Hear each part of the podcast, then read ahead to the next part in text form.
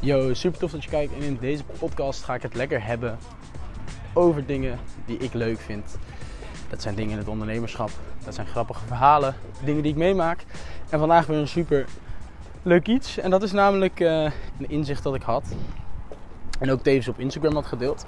Ik heb trouwens geen idee of je heel veel wind hoort. Want ik ben gewoon lekker buiten aan het wandelen. Maar over de inzicht ik had. En uh, uh, zoals misschien veel van jullie ook wel weten, ben ik ook ondernemer. Heb ik een uh, bedrijf. Ik heb een bedrijf samen met Menno, dat heet Boyenairs. En bij Boyenairs in het kort doen we educatieve dienstverlening. en logistieke dienstverlening. En alles wat daartussen valt. voornamelijk bol.com ondernemers. Maar goed, dat is verder niet het verhaal. We zijn super hard aan het gaan. We gaan heel lekker. Zitten allemaal lekker in. Goede energie. En het team bereidt ontzettend hard uit. En dat is iets heel erg moois. Wel iets heel erg vermoeiend. Want daardoor moeten we heel veel nieuwe mensen ook zoeken. Dus daarvoor gebruik ik onder andere mijn Instagram. Um, ja, om eigenlijk traffic te genereren. Om sollicitanten te ontvangen. Um, dat is iets heel erg grappigs wat me daarin opvalt. Is dat ontzettend veel mensen zijn de ik-BV.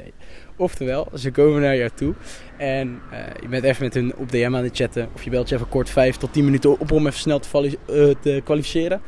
En ze hebben het alleen maar over ik, ik, ik, ik, ik, ik, ik, ik. Ik kan dit zo goed. Ik wil dit. Ik wil reizen. En uh, ik vind jouw bedrijf vet. En ik wil dit. En als ik dat hoor bij iemand, dan knap ik wel heel snel af. En ik zou ook uitleggen waarom. Want zo iemand is niet bezig met waarde toevoegen binnen in jouw onderneming. Hij kijkt niet naar het collectief, niet naar het team, niet naar het geheel.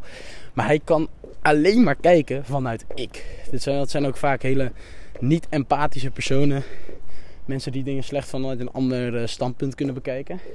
En dat zijn mensen die we ook nooit aannemen bij onze bedrijven. En het is wel grappig, want heel veel mensen die, die, die ik dit vertelde, die zeiden, maar jij doet het. Want bijvoorbeeld, wat ik heel veel hoorde was bijvoorbeeld, ja, ik wil financiële vrijheid. Ik wil uh, in een leuk team werken. Ik wil dit. Ik wil dat. En als, zeg maar, als die persoon met dezelfde intenties, maar het anders zou brengen vanuit een ander, ja, vanuit een ander perspectief, dan zou die persoon waarschijnlijk gewoon op gesprek hadden kunnen komen.